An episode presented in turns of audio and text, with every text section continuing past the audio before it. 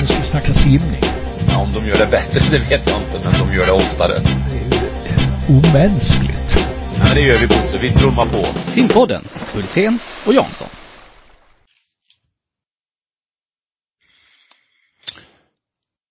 Det är härligt med den här eh, stensommaren och all idrott som finns nu. Det här med fotbolls-VM för damer, friidrotts-VM och sim-VM har det varit och det är väldigt intensivt. Hur följer du eh, friidrotts-VM ordentligt? Ja, lite mer än vanligt framför, framför tvn faktiskt, eh, så har det passat in väldigt bra. Men jag försökte också ha lite koll på volleybolldamerna som spelar. De vann ju igår igen. Mm. Det är lite Hur, kul. gi- hur gick det igår? De spelade mot, Ja, det blir överkurs. ja det Nej. var Tyskland i förrgår. Ja men de har en match kvar, grundspelet Jajamän, det har de. Det har de. Mm, har Nej, så det är förlorat två vunnit två.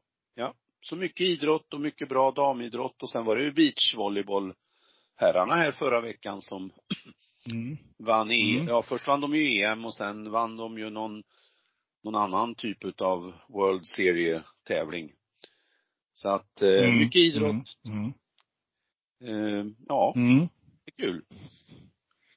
Men, eh, Fotbolls-VM för damer var ju det största damevenemanget någonsin.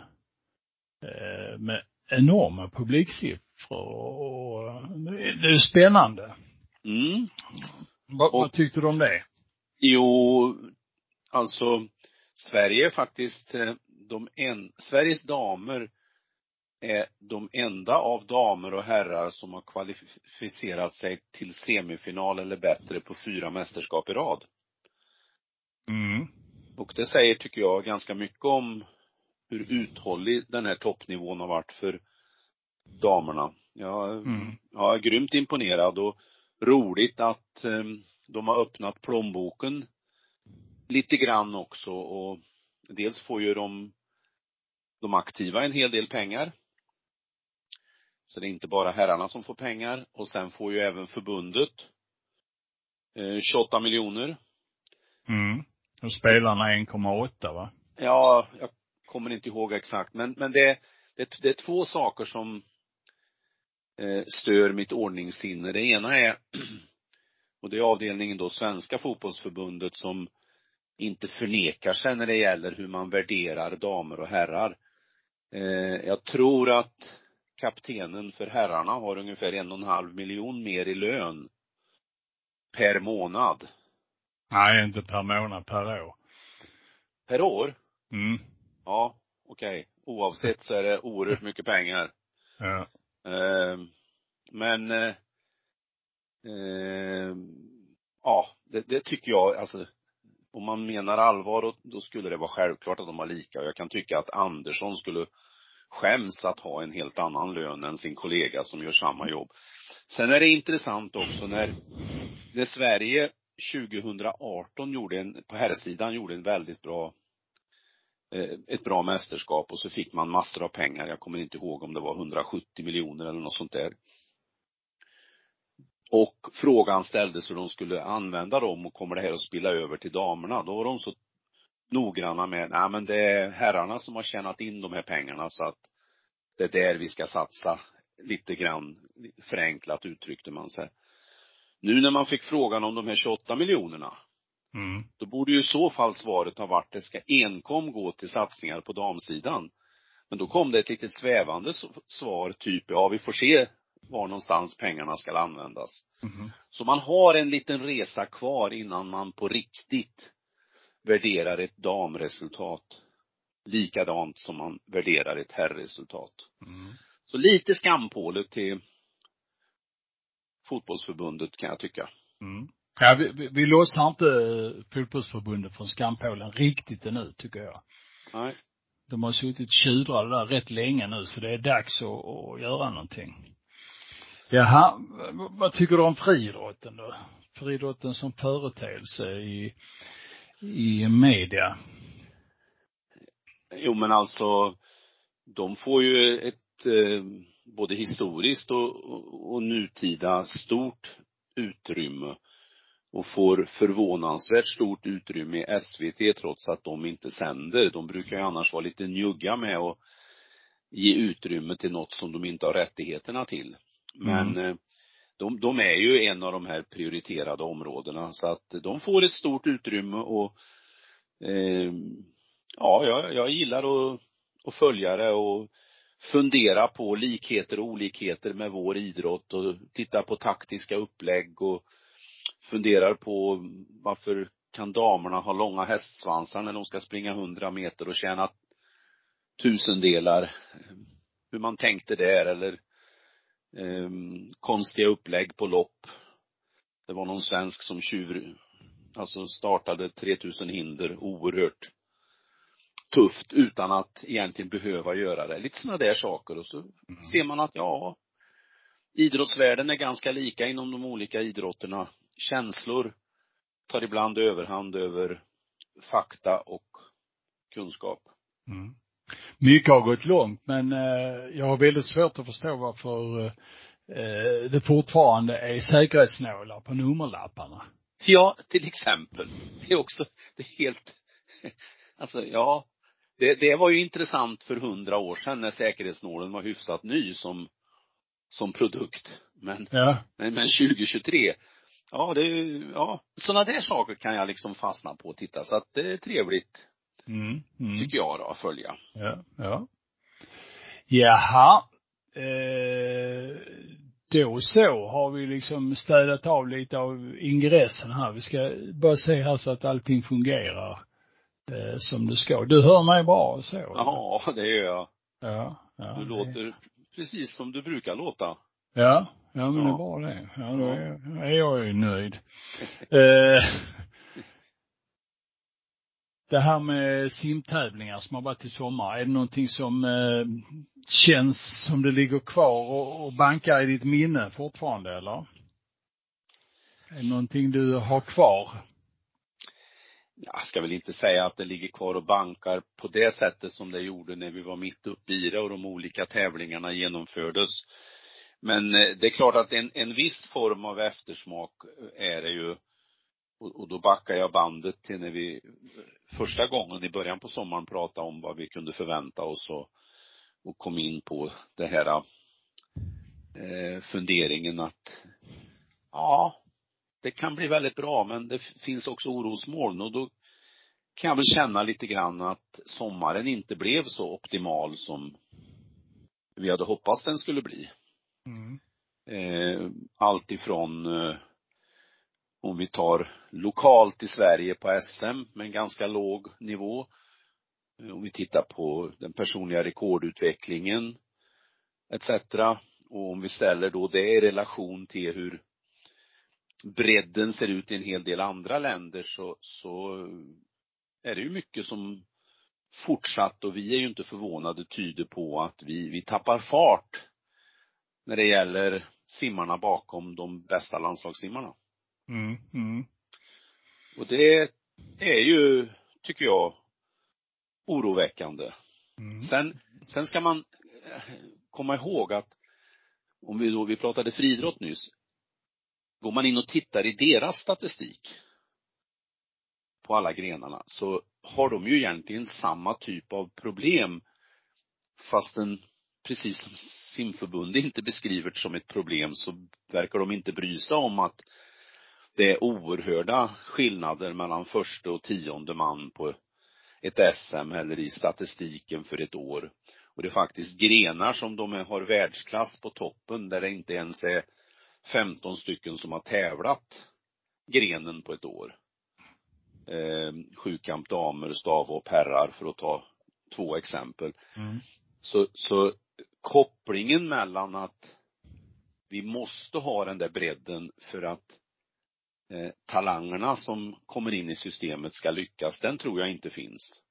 Men risken är ju att vi utarmar idrotten på sikt. Och jag tror faktiskt att friidrotten på sikt kan ha samma problem som simningen att finnas i den nya sportvärlden. Med alla nya grenar som kommer och idag ser på idrott och, och så vidare. Mm man eh, märker i alla fall på friidrotten, de, de har en ganska liten bredd på SM-nivå. Till exempel deras eh, stafettlag, det är ju liksom rent skämt. De, de, det är final direkt i princip. Eh, där vi kan ha 30 lagkapslag, där har stafetterna, är stafetterna bestående av fem, sex klubblag på ett SM. Eh, men eh, man har fler världstoppar. Sen har man fler eh, till exempel UVM-toppar också i 18-20-årsåldern. På eh, UEM heter det väl. Så Ja. där, där har man väldigt bra resultat också. Och det har ju inte vi inom simningen. Va?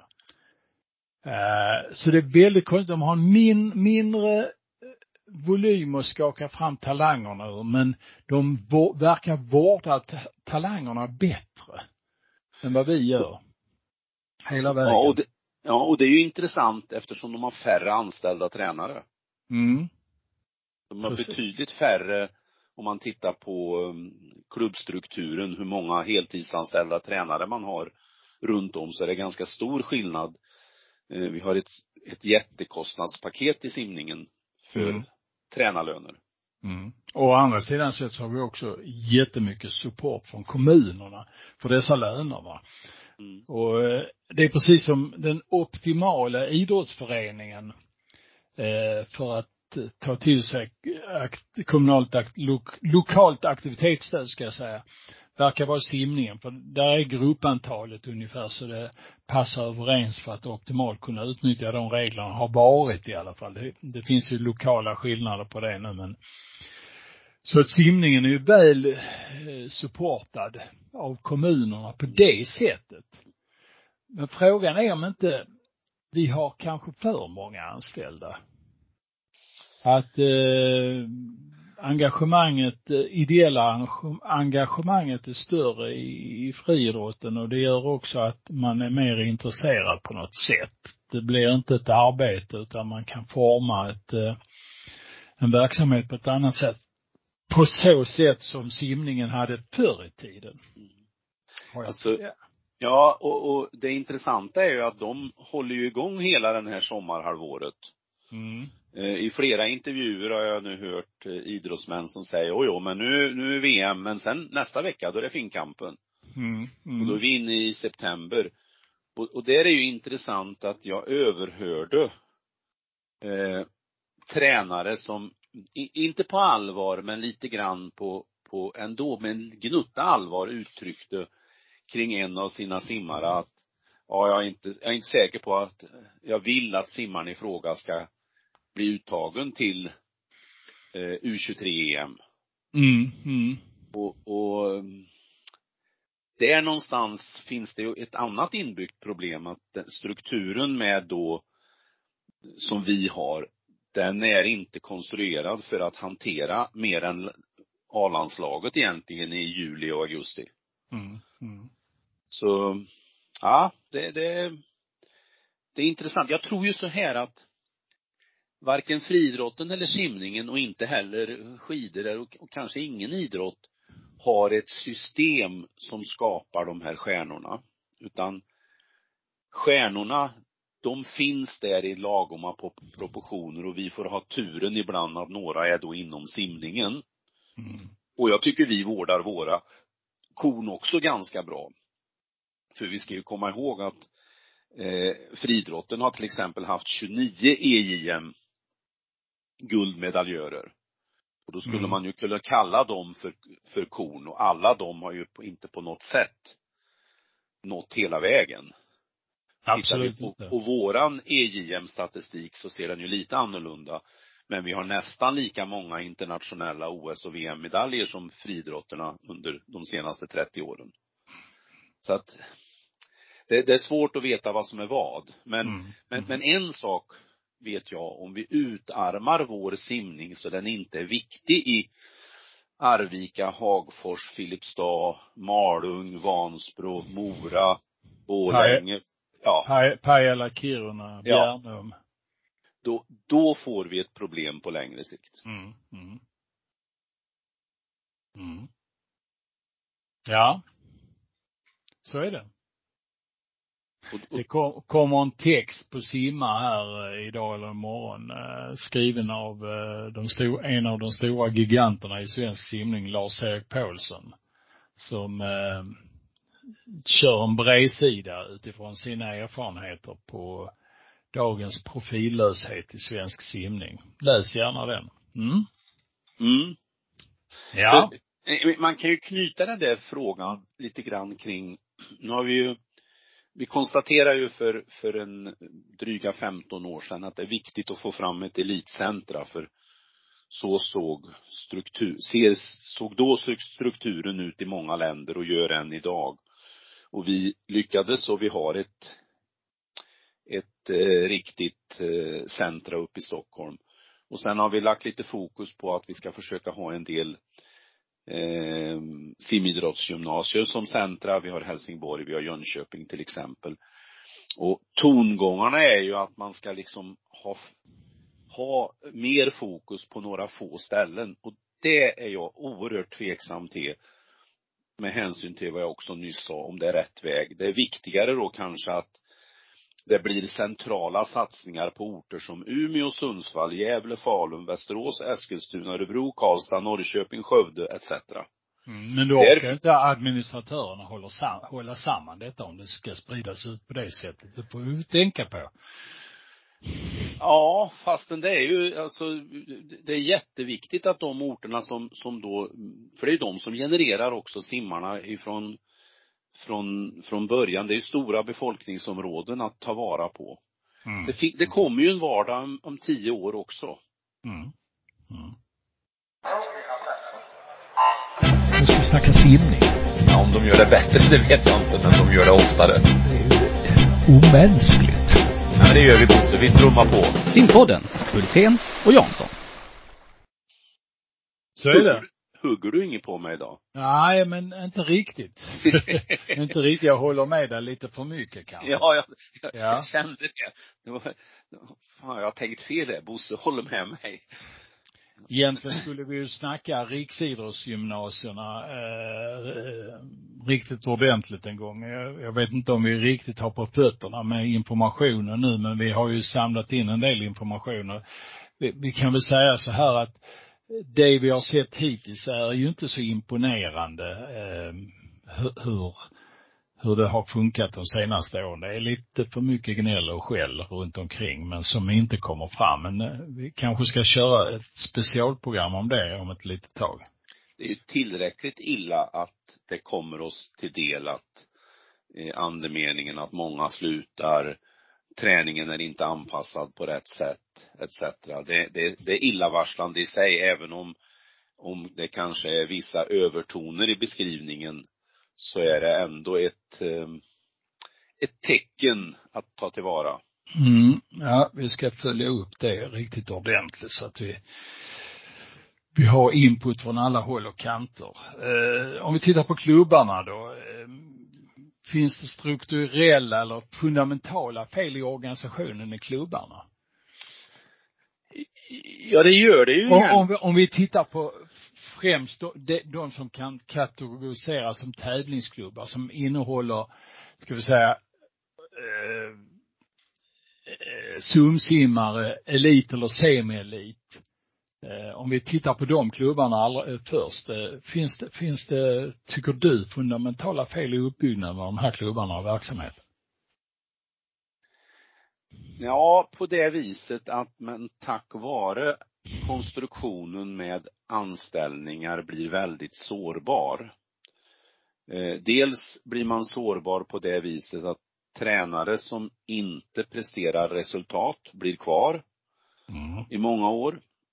Man blir sårbar om vi tar ämnet som vi var inne på nyss, om det då någon blir uttagen och ska, måste hålla igång hela juli, så är det svårt att få till det för då har man då anställningsdelen att ta hänsyn till.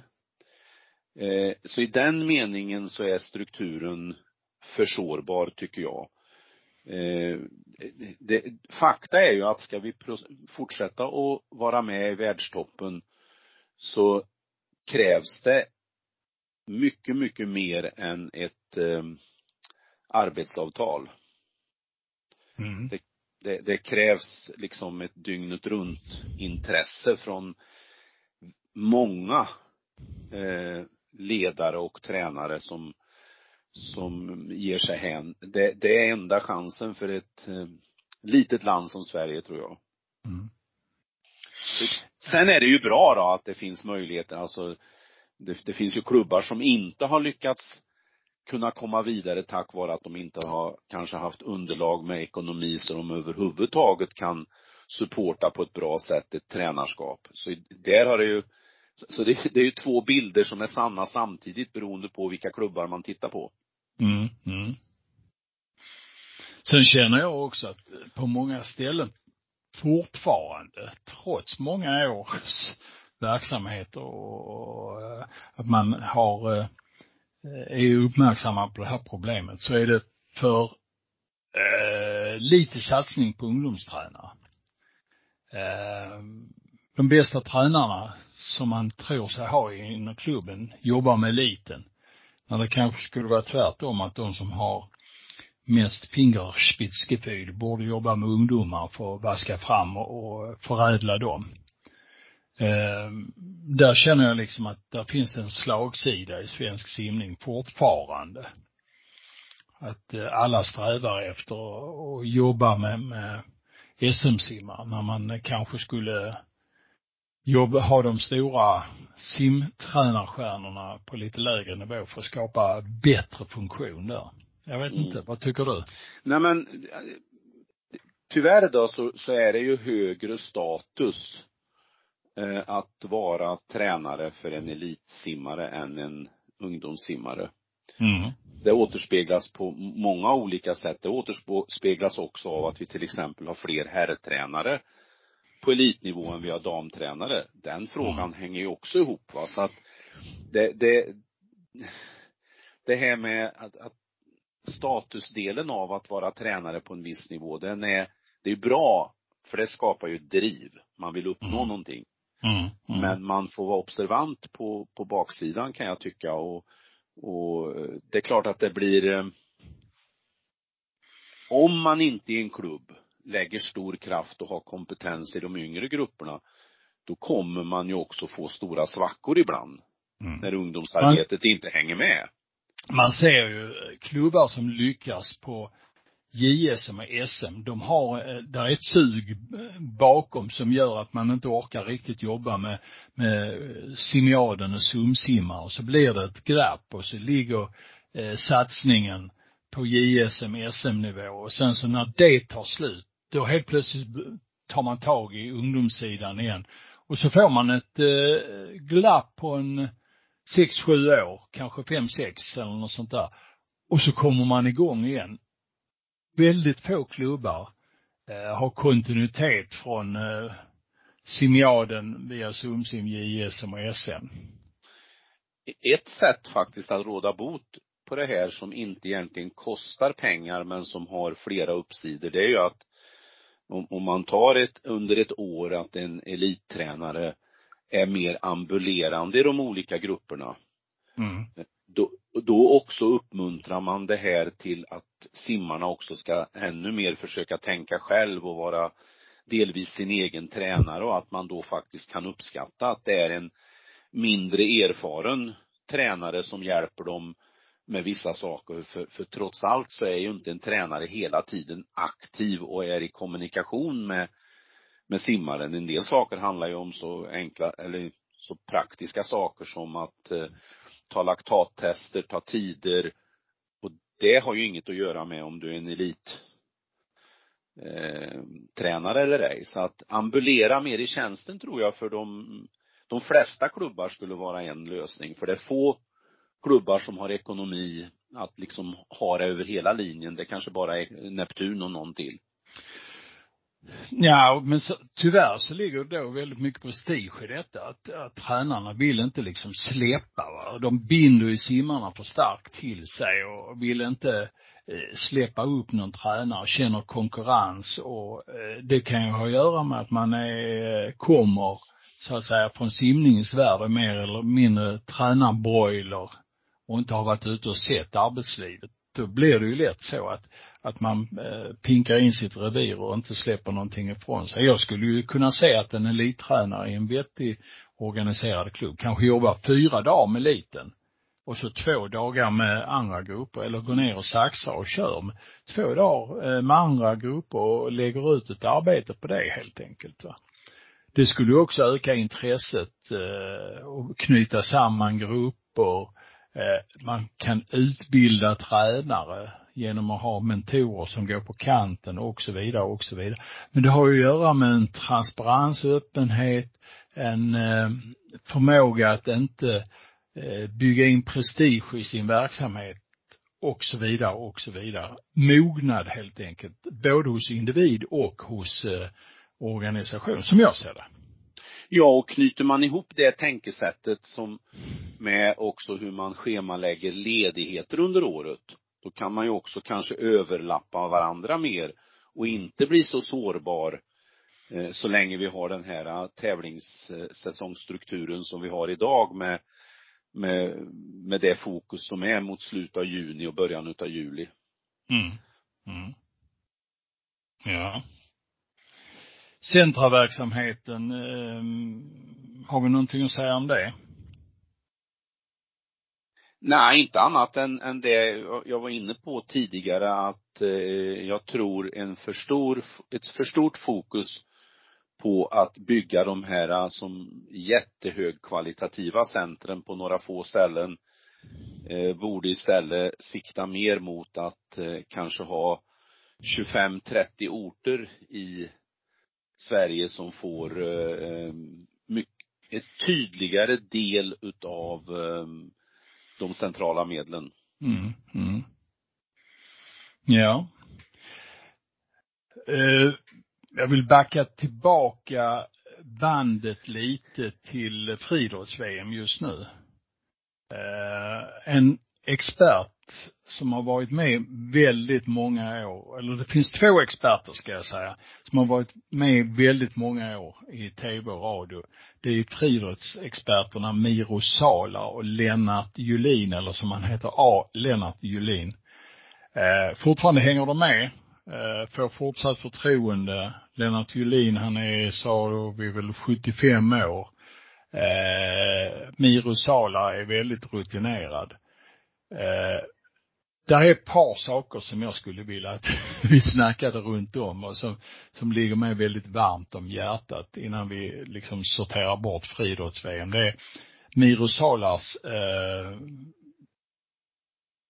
öppenhet när det gäller att tycka till om eh, idrottsmännens prestationer och hans sätt, öppenhet, eh, att inte vara en eh, eh hejaklack Tycker han att det är fel av eh, Sagnia att ställa upp på VM i längdhopp för att hon har sån fruktansvärt dålig bakgrund och eh, han tycker att hon har för dåliga eh, dålig support runt omkring. Då säger han det i radio. Eh, när hon, som i det här fallet då har misslyckats totalt och hoppar, vad var det, 6,23 eller något sånt här och är långt ifrån vad hon kan. Eh, jag gillar Mirosalas öppenhet och ärlighet i sitt kommenterande. Han är aldrig, han är alltid intresserad, han är alltid eh, engagerad, men eh, han sticker inte under stol med och han kallar ett mål ett mål och ett såll ett såll. Eh, och ingenting däremellan. Sen tycker jag också, som du och jag snackade om häromdagen, Lennart Julin, att hans eh, koppling bak till historien, att han kan koppla samman eh, det här med, med, med friidrott i ett eh, eh större perspektiv, det tycker jag är väldigt spännande. Man tittar på TV4 satsning på friidrotts så har de tre stycken som står och snackar eh, runt ett bord. Det är Carolina Klüft, det är Frida Nordstrand och det är Mikael Tornéus. Så har de två kommentatorer då. Julin och, vad heter han nu som kommenterar som jag tycker är bra, men jag glömmer alltid bort hans namn. Ja, jag är, jag pass på vad han heter. Ja. ja. Och sen har de ju en nere på intervjun, micken också. Och då tycker jag att Tornéus är eh, för mig helt ointressant. Han, han säger bara vad alla de andra har sagt och möjligtvis förmedlar en, en eller annan känsla. Men Julin han ger ju ett perspektiv och sen tycker jag Carolina Klüft utifrån sin eh, mogenhet är väldigt duktig att kommentera. Även om hon ibland blir lite väl exalterad. Men jag gillar hennes känsla i det. Men hon har analyser också som är väldigt bra. Frida Nordstrand eh, är duktig på att sätta stickfrågor. Eh, vad tyckte du om de där kommentarerna? Nej men eh, lite grann i egen sak blir det ju i den meningen att det är ju lättare om man har varit med ett antal år och följt det här länge att ha de större perspektiven och då ibland sansa sig lite granna och, och, och beskriva saker och ting som du uttryckte det, en spade är en spade. Eh, så det, det, det håller jag till fullo med på och samtidigt blir det lite orättvist för de här eh, stjärnorna som nyss har slutat och så sätts de in i den här rollen. Och de har ju egentligen bara perspektivet sig, sig själv och lite till och så ska de då förmedla någonting bredare, någonting större, förmedla något som inte eh, tittaren eller lyssnaren upplever. Och, det klarar nästan ingen och det märks ju faktiskt skillnad nu när Klyft är tillbaka, att hon har skaffat sig några år utav perspektiv. Mm. Det märks faktiskt när man lyssnar på henne. Så att jag, jag håller med dig i det att, att eh, Klyft i förhållande till Torneus, det, det är skilda världar alltså när det gäller tyngd i det man säger. Men sen blir det lite orättvist mot Torneus för att det är ju en kultur idag att man må, många gånger suger in experter direkt efteråt i, i någon sorts övertro att de sitter på mer facit än, än, än de faktiskt gör. Mm. Eh, så att, eh, och, och jag gillar, sen var han ju väldigt skarp, eh, Julin, mot, alltså han gick ju in och rättade Tornéus till och med ett antal gånger i, i sändning, så det gränsfall, ska man göra det eller inte göra det när man hör något som är fel. Mm. Eh, men ehm, och sen ja, Frida, hon, Frida Nordstrand håller ju ihop det väl på ett bra sätt. Sen tyckte jag hennes dokumentär om, om um, Armand Duplantis var lite sliskig. Alltså jag, jag gillar inte det där när det blir mer idolporträtt än ett, en dokumentär va. Då tappar jag intresse för att titta mm. på det. Det blir mm. liksom, de tittar upp som om ja, det, vi har ju sett det här i sammanhang med Zlatan och lite olika grejer. Det gillar jag inte, men, eh, men annars håller jag med din analys där. Miro Salar ja. håller, håller, han håller måttet verkligen. Mm. Jag, jag ska naturligtvis rätta mig själv, eh, för att jag, jag nämnde ju inte Johan Edlunds namn. Ja, jag just det. Jag tycker han gör ett enormt bra eh, kommentering av friidrotten. Och de har ju jobbat ihop jättelänge, Johan och eh, Lennart A. Julin. Mm, mm. De har verkligen växt ihop på ja. ett, på ett jättetrevligt sätt. Mm. Och jag tycker Johan är, han är väldigt bra. Han, alltså han har en förmåga att inte ge sig utanför sin eh, comfort zone eh, så mycket. Vissa kommentatorer eh, vill ju gärna bräscha med att de kan mycket Eh, och vill gå ut utanför sitt eh, eh, område, alltså kommenteringsområde och låter inte experten tala ordentligt va. Eh, inte minst du och jag, jag har haft svårt för det ibland, åtminstone jag.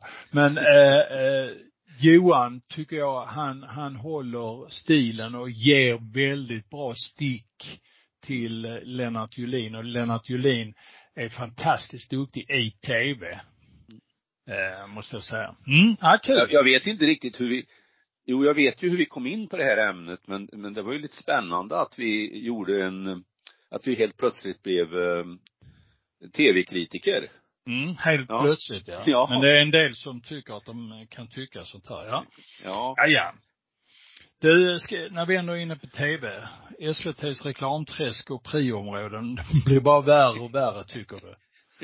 Ja, jag, jag tror du håller med mig. Alltså, eh, jag har ju varit med om när jag har fått eh, ta av mig tröja eh, innan en intervju för att det var fel och syntes med reklam. Jag har sett när man har tejpat över reklam och det är liksom i vissa sammanhang så oerhört noga. Men när det gäller då vissa idrotter, då är det så generösa regler så då kan man liksom exponera hur mycket som helst. Vi har sagt det massor av gånger och eh, vi pratade om det när det gällde eh, hur de följde de här långloppsåkarna på skidor där man intervjuade teamcheferna för de här företagen och obegräns, ohämmat nämnde deras namn. Och så var det cykelvasan här nu, liksom en, en eh, ja, jag ska inte säga att det är en, en plojtävling, för det är det ju definitivt inte, men, men, men då dök det upp och så sändes den i tv och så gjorde man likadant. Ringde upp teamchefer till de här företagsnamnen och då är det helt okej. Okay. Det blir så oerhört, tycker jag, onyanserat och, och det, det, det är dåligt utav mm. Eh, mm. SVT. Direkt dåligt. Eh, och jag vet inte hur man ska komma åt det, om det är dags att försöka sätta ihop en professionell anmälan mot SVT när det gäller det här. För att det drabbar ju de andra idrotterna som inte kan, det är inte nog med att de andra idrotterna inte tillhör de här prioriterade områdena som de SVT satsar på. Det drabbar ju dem också i det här fallet. Och det handlar ju om att den här junioren som slår igenom är man friidrottare, ja då är man mer känd redan då och kan därmed få ett eget eh, reklamkontrakt. Mm. Så att det ja. finns mycket i den där, som du kallade snyggt, eh, reklamträsket. Mm. Mm. Ja, idag börjar ju till och med min hemtidning här, Sydsvenskan, ta in material om, skidskyttarna. Då är det illa när Sydsvenskan eh, har en hel artikel om Sebastian Samuelsson by, byter trät i stocken på sitt gevär. Hallå! Vi har inte lämnat augusti än. Och så, så, så, så, skriver de om sånt. Ja, men jag, jag har inga bekymmer med de, de, vad ska vi säga, eh, företag och organisationer oavsett om de säljer skor eller eh, trycker tidningar, om de gör sina prioriteringar. Det, det är de skattefinansierade jag har bekymret med. Jo, jag vet. Men eh, ja. de, de påverkar ju också vad de andra skriver. Ja, det gör de ju definitivt. Alltså, för det är, det är ju så att är jag som skåning och köpare av Sydsvenska, är jag intresserad av att läsa om vilket träslag som Sebastian Samuelsson har i sitt gevär? Om jag istället kunde haft en ordentlig analysartikel om till exempel Svenska cupen i fotboll där många Skånelag eh, spelade igår. Ja, vi fick en summarisk genomgång eh, i tidningen idag hur det hade gått för en del. Alltså till exempel spelade Mjällby i Malmö igår mot Olympic i division eh, eh eller på tredje nivån spelade de, eller fjärde, eh, ute på Lindängen. Alltså ett allsvenskt lag som kommer hit, blir hårt pressat och bara vinner med 1-0 mot Olympic. Det är fan så mycket mer intresserande eh, träslaget i, inte Sebastian Samuelssons skalle utan i hans eh, stopp på geväret. Eller hur det ser ut i vardagen för systrarna Hansson. Så här två, veck två, tre veckor efter VM är ju också något som Sydsvenskan kunde ha lyft. Men du har en möjlighet som vi inte har när det gäller SVT. Där kommer det på skattsedeln. Mm. Oavsett du vill eller ej. Du ja. kan ju avbryta ditt ah, abonnemang. Ja, ja, både ja och nej. Eh, för det är ju så här att det finns ett pressstöd också till tidningar. Och eh, Omfattar det, Sydsvenskan om det? Ja, det tror jag eftersom de nu har slagit ut alla andra tidningar. Ja, skånskan är ju kvar också i och för sig. Ja, jag, jag ska, jag ska, jag ska låta det vara osagt. ja. Ja. Ja men alla, alltså tredje statsmakten är tredje statsmakten. De har ansvar oavsett om det är Bonnier som betalar dem eller vi via skattsedeln. Tycker jag. Ja. Ja, fast det är nyansskillnader för mig. Ja, det, jo det är det ju. Det, det, det är det faktiskt. Alltså jag kan inte gå, om jag går ner här till Håkanssons kläder i Filipstad och eh, frågar varför de inte säljer Coca-Cola idag. Mm. Eh, alltså jag får ju respektera det de väljer att sälja. Att de bara säljer fritidsskjortor som du kallar Ja, fritidsskjortor, precis. Du har ju en fri, fin fritidsskjorta på dig idag. fritidsskjorta. Låter som taget ur en svensk pilsnerfilm från 1948. Men, men du och jag är väl ganska symbolen för taget ur en svensk pilsnerfilm. Ungefär så är det. Har ju både åldern inne för det och, ja du. Just nu känns det inte som vi har mycket mer vettigt att säga idag va? Nej, gränsen är passerad. Ja, vi, Ja, eh, snacka med det. Det var, ja. det var ju några veckor sedan. mm, så är det. Och vi sitter på nytt ställe nu. Jag har flyttat. En veckas svett, fyra kilo ner och burit väldigt mycket eh, och befinner mig tillbaka i, på en nästan gammal postadress tänkte jag säga, ute i Limhamn i de södra delarna av Malmö.